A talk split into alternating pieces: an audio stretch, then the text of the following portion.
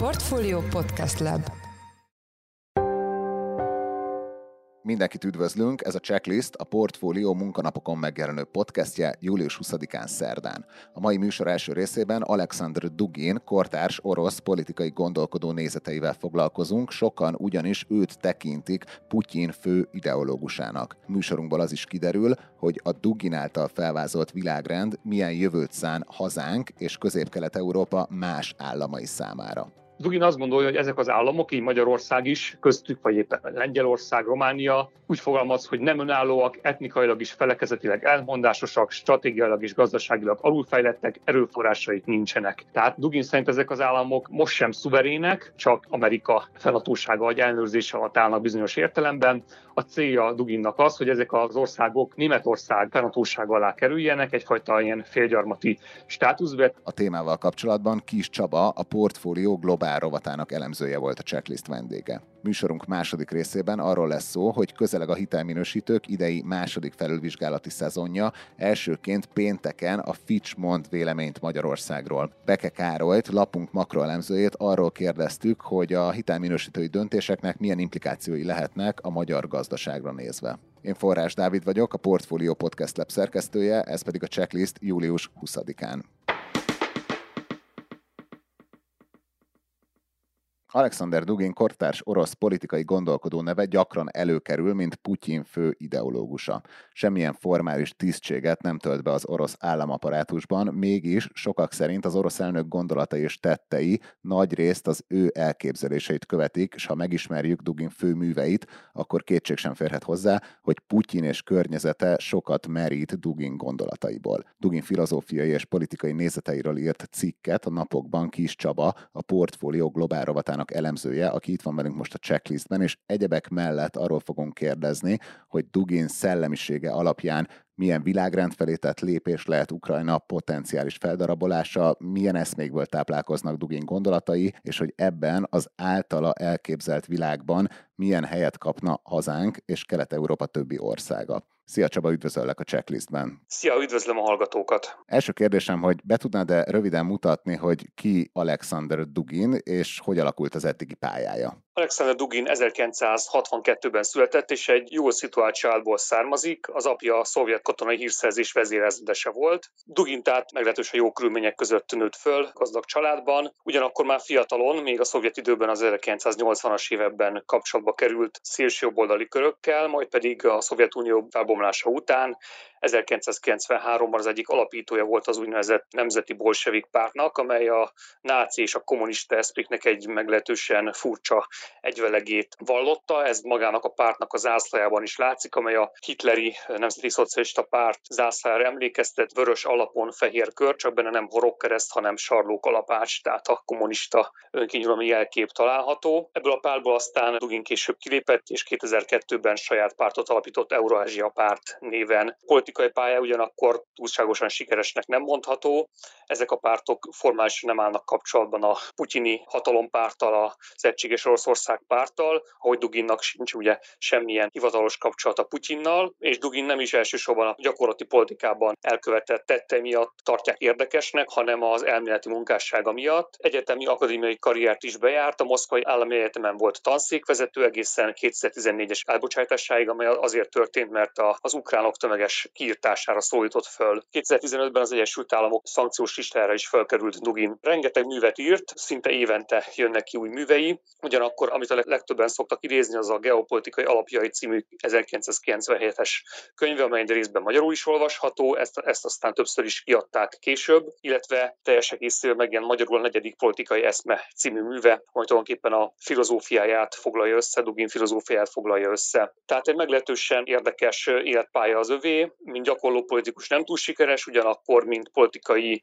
elméletíró meglehetősen sokat hivatkoznak rá, és hát hogyha elolvassuk a műveit, akkor azt láthatjuk, hogy Putyin nagyon sok tekintetben, mint hogyha tényleg szóról szóra követni, mind ideológiájában, mind cselekvéseiben azt, amit Dugin leírt. Részben már az említett két könyv alapján készült a cikked, amit természetesen belinkelünk az epizód jegyzetekbe, de ezek alapján mit gondol Dugin arról, hogy az újkori történelmet mely eszmék határozták meg? A negyedik politikai eszmében ír elő Dugin, amit teljes egészén magyarul is olvashatunk. Dugin azt írja, hogy a modernkori történelemben, az újkor történelemben három politikai eszme volt, a liberalizmus, a kommunizmus és a fasizmus, nácizmus. Ha végig tekintünk a politikai eszme történeten, akkor meglehetősen leegyszerűsítő elképzelés, amit Dugin fölvázol, hiszen például itt nincs helye a tradicionális, hagyományos konzervativizmusnak, amely Edmund Burke-től eredeztethető, nincs helye a szociáldemokráciának, nincs helye az anarchizmusnak, az anarchizmus különböző válfajainak, tehát tulajdonképpen mindent ebbe a három politikai eszmébe próbál belezsúfolni Dugin, és ezt a három politikai eszmét úgy látja, mint egyfajta ideológiákat, ideológiákat abban az értelemben, hogy ezek egy koherens rendszerek, amelyeknek nincsenek különböző változatai, hanem lényegében milyen katekizmus-szerűen leírható rendszerek, amelyek teljes világmagyarázatot tartalmazzák, miközben ez egyáltalán nincsen így. A liberalizmust, ha tekintjük például, annak számos válfaja van, akár a klasszikus liberalizmus, John Locke-tól kezdve Benjamin Constantin, vagy a modern liberalizmus, John Rawls, Robert Nozick, teljesen egymástól elütő elképzelések vannak a, az egalitárius liberalizmustól egészen a mondjuk szélsőséges liberalizmusig, ami csak az éjjel államot tudja elképzelni, tehát azt az államot, hogy egyáltalán nem avatkozik bele a, az elosztási mechanizmusokba. Tehát a liberalizmus egy nagyon-nagyon széles eszmerendszer, amit Dugin nagyon leegyszerűsít, oly módon, mint ahogy a kommunizmus és a fasizmus, nácizmust is, amelyeket le is lehet így egyszerűsíteni bizonyos értelemben, hiszen például a kommunizmusnak a Szovjetunióban kialakult egy ideológiája, ugye marxizmus-leninizmusnak nevezték, amelyet ténylegesen lefektettek kötetekben, katekizmus-szerűen, a fasizmust Mussolini nézetei alapján lehet egy ilyen rendszerbe szervezni, a nácizmus természetesen Hitler nézetei alapján, ugyanakkor a liberalizmus egyáltalán nem így működik, és hát azért az másik két eszmerendszer is nagyobb összetettséget mutat, mint amit Dugin ábrázol minden esetre. Neki az a véleménye, hogy ez a három politikai eszme uralta a modernkori történelmet, kezdődött a liberalizmus, amely a 17.-18. században alakult ki, majd ez jött a kommunizmus a 19. században Marxal, aztán utána a bolsevizmussal, és a fasizmus, nácizmus pedig a harmadik politikai eszme, amely a 20. századnak a terméke. Visszamenőleges sorrendben el is kezdtek elbukni, tehát a fasizmus, nácizmus bukott el először, aztán a kommunizmus a Szovjetunió összeomlásával, és maradt a liberalizmus Dugin szerint, és tulajdonképpen most a negyedik eszmét azt lényegében a liberalizmussal szemben kell létrehozni, és ennek az eszmének az alapjának a lefektetését teszi meg Dugin a negyedik politikai eszme című kötetében. És mi ez a politikai eszme, ami ugye szerinte uralhatja, vagy részben uralhatja a következő időszakot, és milyen filozófiai, történelmi referenciapontokat használ el gondolati alátámasztására? Ez a negyedik politikai eszme, ez egy tradicionalista eszme lenne. Ez az eszme nem teljesen új, sőt maga Dugin is leírja, hogy kik ennek az eszmének az előfutárai. A legfontosabb előfutárokat az 1920-as, 30-as évek Németországban találhatjuk meg. Van egy eszmei mozgalom, amelyet igazából utólag tartunk egy eszmei mozgalomnak a maguk korában ezek a szerzők nem tartották magukat egy eszmei államnak képviselőjének. Ide tartozik például Oswald Spengler, aki a Nyugat Alkonya címmel írt híres könyvet, Karl Schmidt, akit egyébként jelentős politikai filozófusnak gondolunk mai napig, de hát egy időben közel állt a náci Németországhoz, vagy Ernst Jünger, akit inkább regényíróként ismerünk, és még számos gondolkodó, például a korai Thomas Mann elképzeléseit is, de a konzervatív forradalomnak nevezett eszme irányzatba szokás sorolni. Duginnak a legfontosabb hivatkozási pontja ugyanakkor Martin Heidegger, szintén 1920-as, 30-as években működött német filozófus, illetve később is 1970-es években halt meg, de a munkásságának a jelentős eredményei a 20-as, 30-as évekre tehetők. Martin Heidegger meglehetősen elvont gondolatrendszert alakított ki, amelynek viszonylag kevés direkt politikai vonatkozása van, ugyanakkor egyfajta modernitás ellenesség jellemzi, amely szintén fontos Dugin számára, illetve a Lét is idő című művében, Martin Heidegger Lét is idő című művében kifejtett úgynevezett Dasein, németül Dasein magyarul jelen való lét koncepcióra akar fölépíteni tulajdonképpen a saját maga rendszerét, hogy ez pontosan hogyan is zajlana, ez olyan részletessége nem derül ki a negyedik politikai eszméből, ezt én speciál nem láttam túlzottan alaposan kiépítetnek ebben a kötetben. Ugyanakkor ténylegesen ezek a referencia pontjai, tehát az 1920-as, 30-as évek Németországának gondolkodói, konzervatív jobboldali, sőt szélső jobboldali gondolkodói Duginnak a vonatkozási pontjai. Dugin mit gondol Ukrajnáról, mint önálló nemzetről? Mit jelenthet Oroszország számára, hogyha Ukrajna önálló állam maradna a jelenleg elismert nemzetközi határokkal. Dugin, ahogy egyébként Putyin is úgy tartja, hogy az ukrán nemzet az nem létezik, mint nemzet, tehát az ukrán nem önálló nemzet, hanem az ukrán és az orosz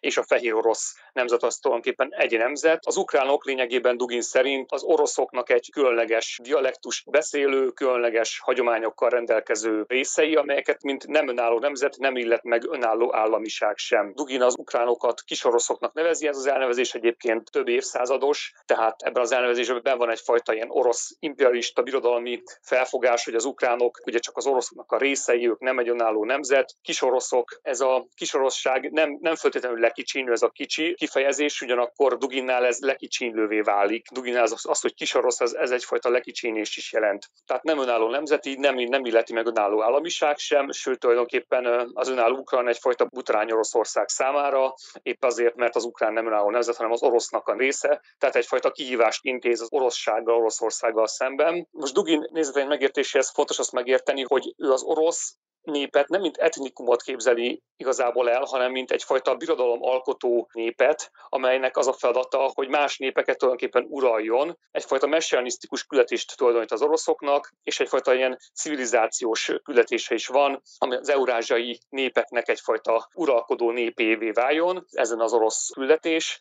Ebbe aztán aztán végképp nem fér bele egy orosz is, meg nem is orosz Ukrajna. Gyakorlatban úgy képzeli el Dugin, hogy földarabolná Ukrajnát, négy darab darabra szedni Ukrajnát, az elképzelései szerint lenne egy kelet-ukrajna, ez a kelet-ukrajna az, ahol a legtöbb oroszajkú állampolgár is él, ugye ide tartozik Donbass területe, ahol most a háború folyik, illetve hát egészen a Nyeper folyóig, a Nyeper keleti partja, ez közvetlenül orosz felhatóság alá kerülne. Dugin a Krímet egy külön jogállású területnek gondolná, hiszen a Krímben él bizonyos határkisebbség is, illetve ukrán kisebbség, ezért Krímnek különleges státuszt adna ebben az 1997-es művében Dugin. Érdekes, hogy Putyin ebben nem nem követte Dugint, hanem, hanem egy radikális megoldást választott, és teljes egészében Oroszországhoz csatolta a Krimfél-szigetet. Ezen kívül lenne egy közép-ukrajna, Dugin elképzelései szerint Kiev központtal, ezek azok a részek, amelyek már ukrán részek, tehát itt már ukránul beszélnek, ezek kisoroszok, ukránok, ugyanakkor őket is Moszkva közvetlen felhatóság alá kéne venni,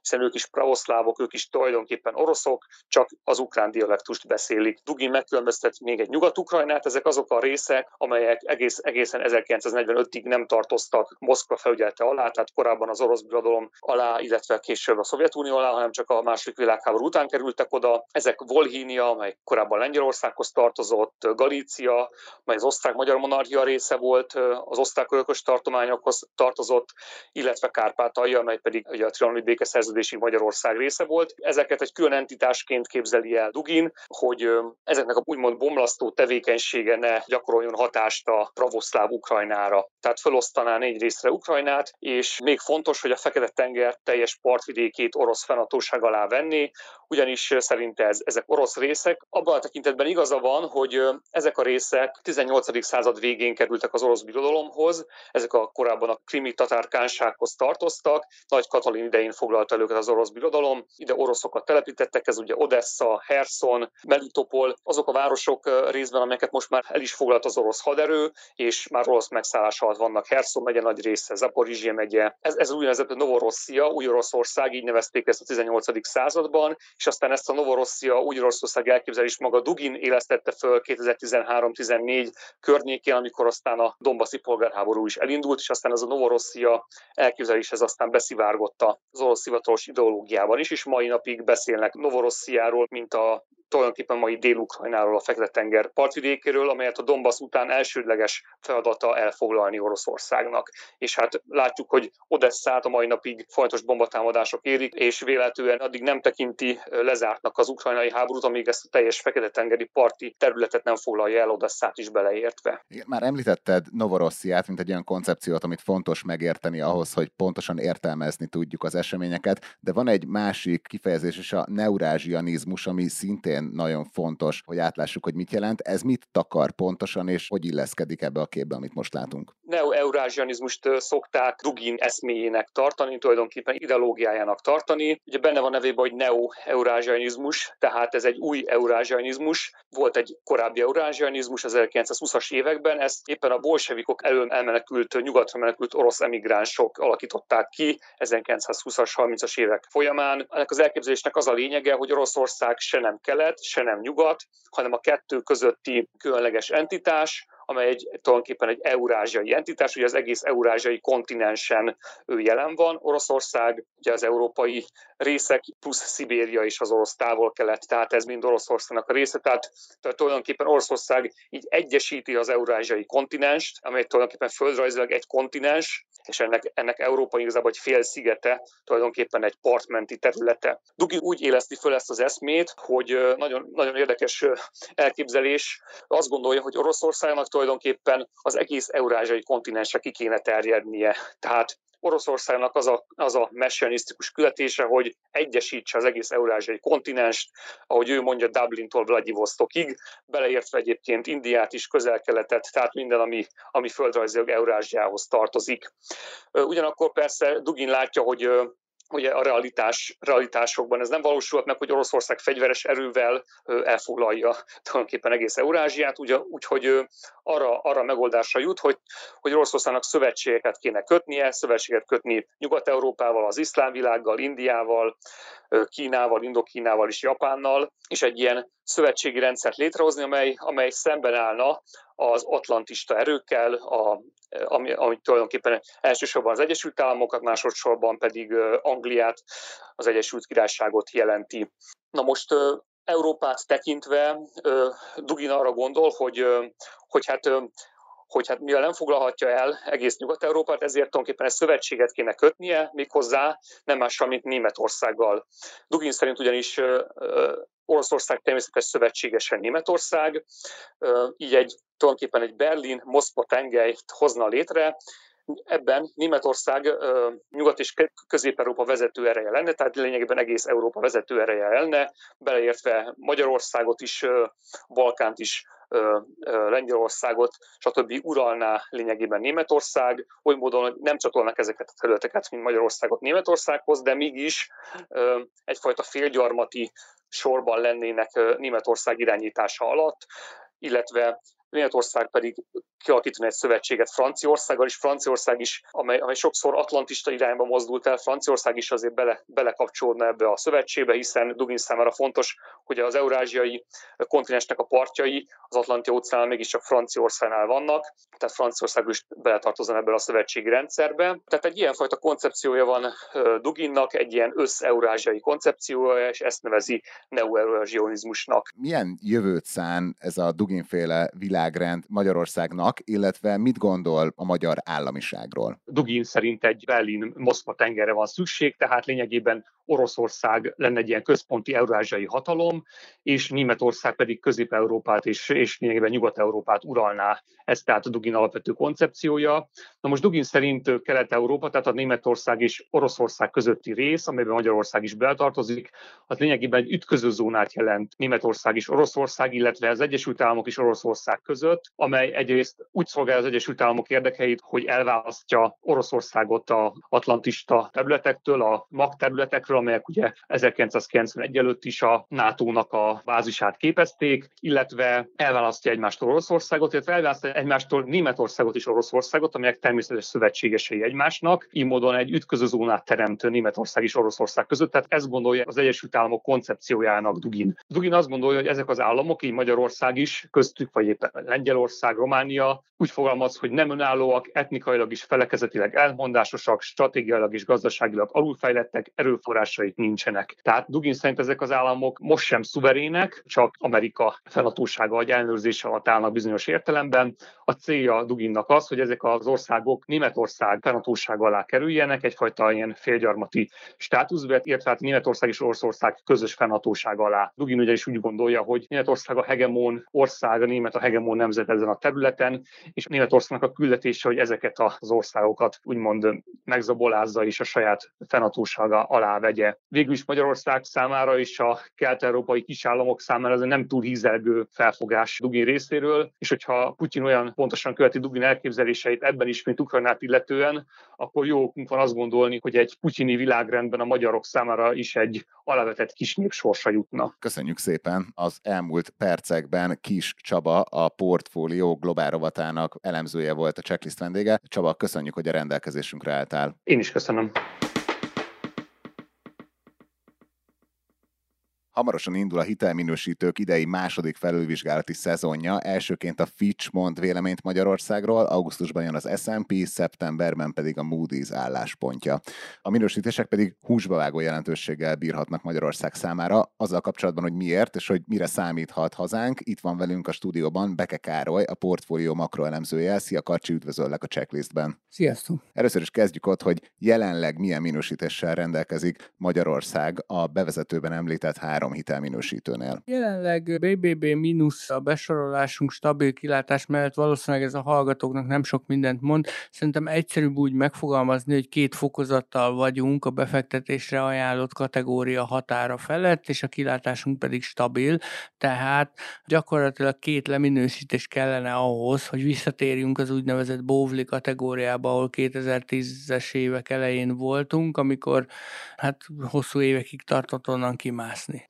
Mikor várható pontosan felülvizsgálat, és mik az előzetes várakozások? Ez például, amit te mondtál, hogy két fokozatot kéne rontani, ez mennyire gyakori szenárió?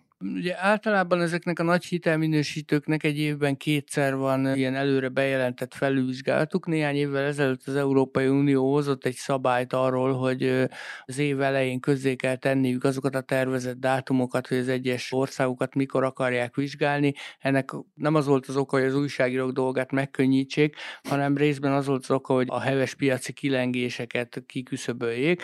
Tehát egyelőre most azt látjuk, hogy az idén még mindhárom hitelminősítőnek lesz egy-egy felülvizsgálata. Most a következő, ahogy említetted, pénteken a Fitch Ratings lesz, várhatóan késő este, valamikor este 10 óra után teszi majd közzé felülvizsgálatát. Ezek általában piaczárást követően, tehát az amerikai tőzsdezárást követően szoktak megjelenni péntek esténként.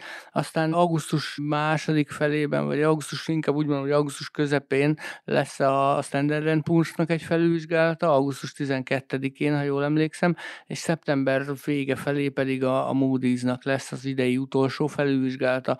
Ezeket követően várhatóan majd csak valamikor 2023 első negyedévében jönnek ismét a hitelminősítők, ugye valamikor majd az év végén közzé teszik a 2023-as naptárukat, és akkor hát ez általában ilyen február-márciusra szokott esni az, az éves első felülvizsgálat, tehát nagyon ritka az, hogy két egymást követő felülvizsgálaton kétszer leminősítsenek egy országot. Az még ritkább, hogy egy felülvizsgálaton két fokozattal minősítsenek le egy országot. Tehát azt gondolom, hogy ez a veszély jelenleg nem fenyegeti Magyarországot, hogy mondjuk a következő egy évben két leminősítést kapnánk. Egyelőre az sem mondható ki, hogy most leminősítésre számíthatunk. Ugye azt kell tudni, hogy, hogy gyakorlatilag az orosz-ukrán háború kitörése óta nem volt csak egy hitelminősítői felülvizsgálatunk, még márciusban a Moody's-tól, tehát azért, hogyha arra gondolunk, hogy az elmúlt fél évben mi történt a magyar gazdaságban, és hogyan alakultak a magyar gazdaság kilátásai,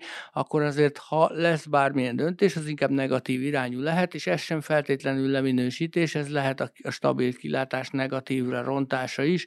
Ugye ez a kilátás ez általában azt szokta jelezni, hogyha egy országnak negatív a kilátás, akkor a következő egy-másfél évben számíthat esetleg leminősítésre, ha nem változnak pozitív irányban a fejlemények, illetve ha pozitív a kilátása, akkor a felminősítés van terítéken a következő időszakban. Tehát igazából a fő kérdés az, hogy lépnek-e bármit is a hitelminősítők, ha lépnek, akkor beérik-e kilátásrontással, vagy leminősítéssel. Én azt gondolom, hogy egy leminősítés az egy erőteljes negatív üzenet lenne, tehát arra most nem számít a piac, hogy bármelyik hitelminősítő is leminősíteni Magyarországot, az egy komoly meglepetés lenne, ha így történne.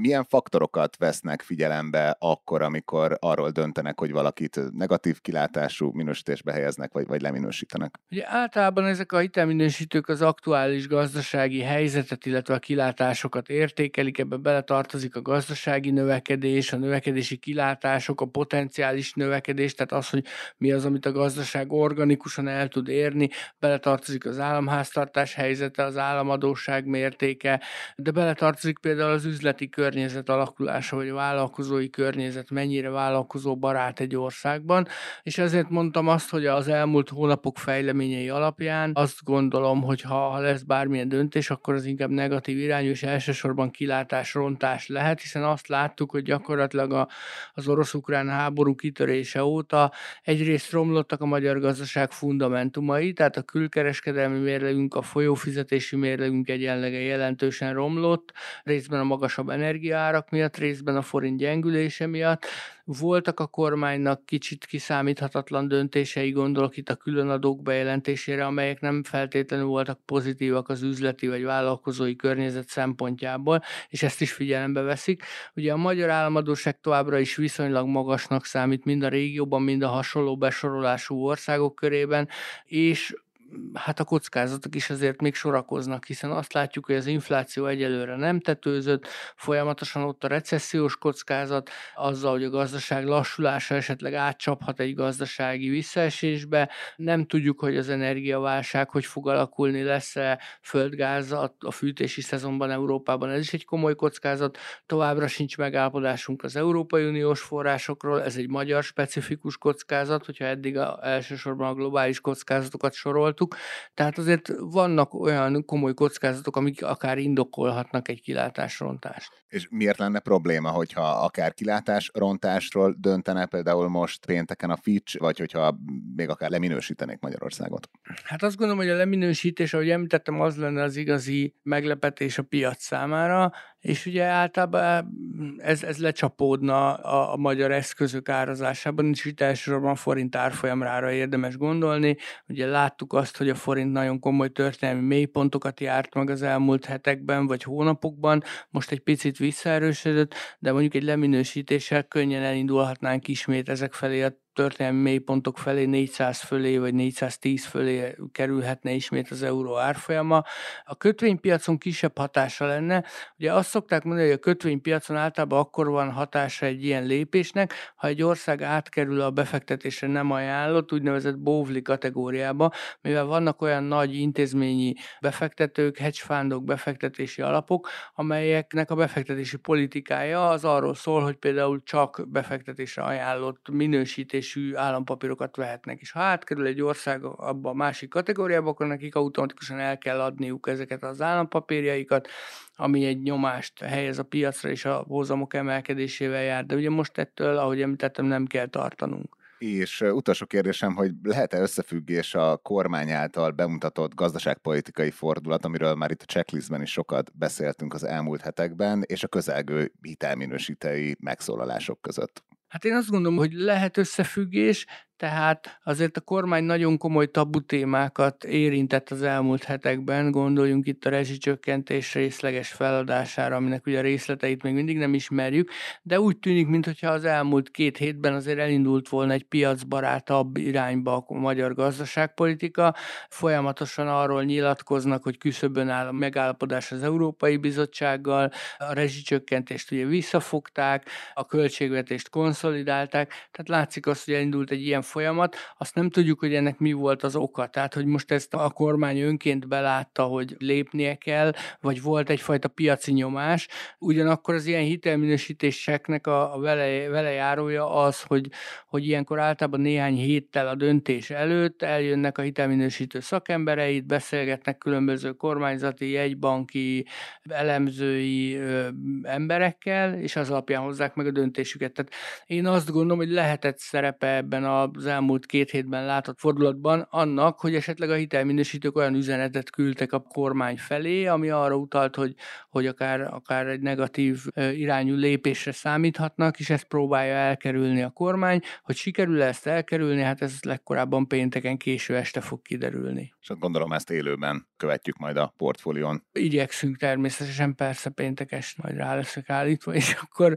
igyekszem ezt kezelni, ezt a felülvizsgálatot, hogyha megjelenik. Köszönjük szépen, az elmúlt percekben Beke Károly, a portfólió makroelemzője volt a checklist vendége. Karcsi, köszönjük, hogy itt voltál az adásban. Köszönöm szépen, sziasztok!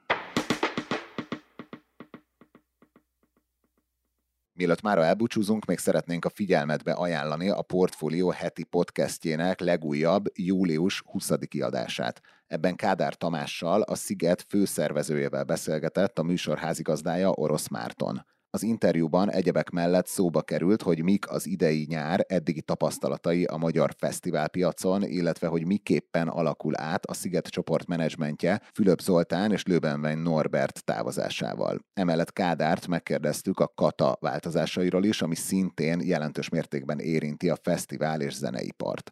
Most tehát következzen egy rövid rész a Kádár Tamással készített interjúnkból. A teljes adás meghallgatható a Portfolio Podcast csatornáján, a nagyobb podcast platformokon, linket pedig elhelyezünk az epizódjegyzetekben.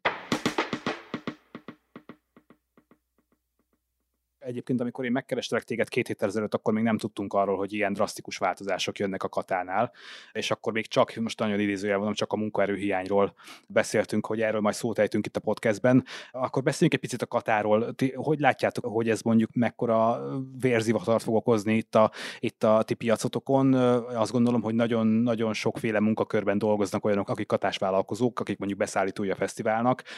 Hogy látod ezt a piacot, mi fog itt történni jövőre? Hát szerintem itt két dolgot fontos fontos látni. Tehát, hogyha az lett volna a felvetés a kormányzatnak, államnak, vagy akár a Paragúrnak a cinikus megjegyzéssel is utalnék, hogy emelni kell ezen az adónemen, mert nem tart már lépést a, a bevétele, a, egy katásnak a bevételeivel, vagy sávossá kell tenni, vagy duplázni kell akár, akkor valószínűleg senki egy szót nem szólt volna. Így viszont ugye mindenféle egyeztetés nélkül gyakorlatilag azt a szektort, vagy azt a részét a katásoknak, akik valaha egy cégnek számláztak, ezt ellehetetleníti ez a törvénymódosítás, és ilyen módon a teljes zeneipar egyébként kiesik ebből a körből, tehát nekünk számtalan olyan alvállalkozónk van, aki, aki katázik. Közreműködőnek is mondhatnám, de ők nem tudnak munkaviszonyban lenni, hiszen a megbizatásuk mondjuk egy Volt Fesztivál, vagy egy Balatonszand, vagy egy Sziget erejéig szól, akár és, tehát mind a három is akár, de az sem tesz lehetővé egy egész éves munkaviszonyt. És még számtalan olyan példát tudnék mondani, ahol egy katás cégnek számláz, de nem képes, nem is tudhat munkaviszonyt létesíteni, mert nem munkaviszony jellegű a működése, vagy a, a, a szolgáltatás, amit teljesít. És két ilyen év után azt gondolom, hogy, hogy ez tényleg a fekvő emberbe való belerugás. Tehát ez, ami, ami most a, a zeneiparban történik, és ahogy ez a kata törvénymódosítás érinti a zeneipart, azt, azt tényleg ezzel lehet a, talán a legjobban leírni, hogy egy padlón lévő megfektetett rendszerbe most még, még jön egy ilyen rugás. Tehát nem, nem nagyon nehéz érzelmek nélkül beszélni erről a helyzetről, miközben egyébként lehetne, tehát a Music Hungary Szövetségnek ugye társelnöke is vagyok, és ott kidolgoztunk olyan racionális javaslatokat, ahol az állam is megtalálja a számítását, tehát akár dupla tételt a, a, egy bizonyos jövedelmi sáv fölött, vagy bevételi sáv fölött. Tehát rengeteg olyan lehetőség és módszertan van, amivel azokat a szempontokat vagy érveket is figyelembe lehet venni, amit most az állam ugye hangoztatottak hát a tulajdonképpen kivezetésével, és hát azt meg, azt meg nehéz hova tenni, hogy ugye maszekként van leírva az a szolgáltató szektor, aki, aki például fotós, videós, nem tudom, technikai háttérember, akár zenész, ez, ez azért nem a maszek kategória.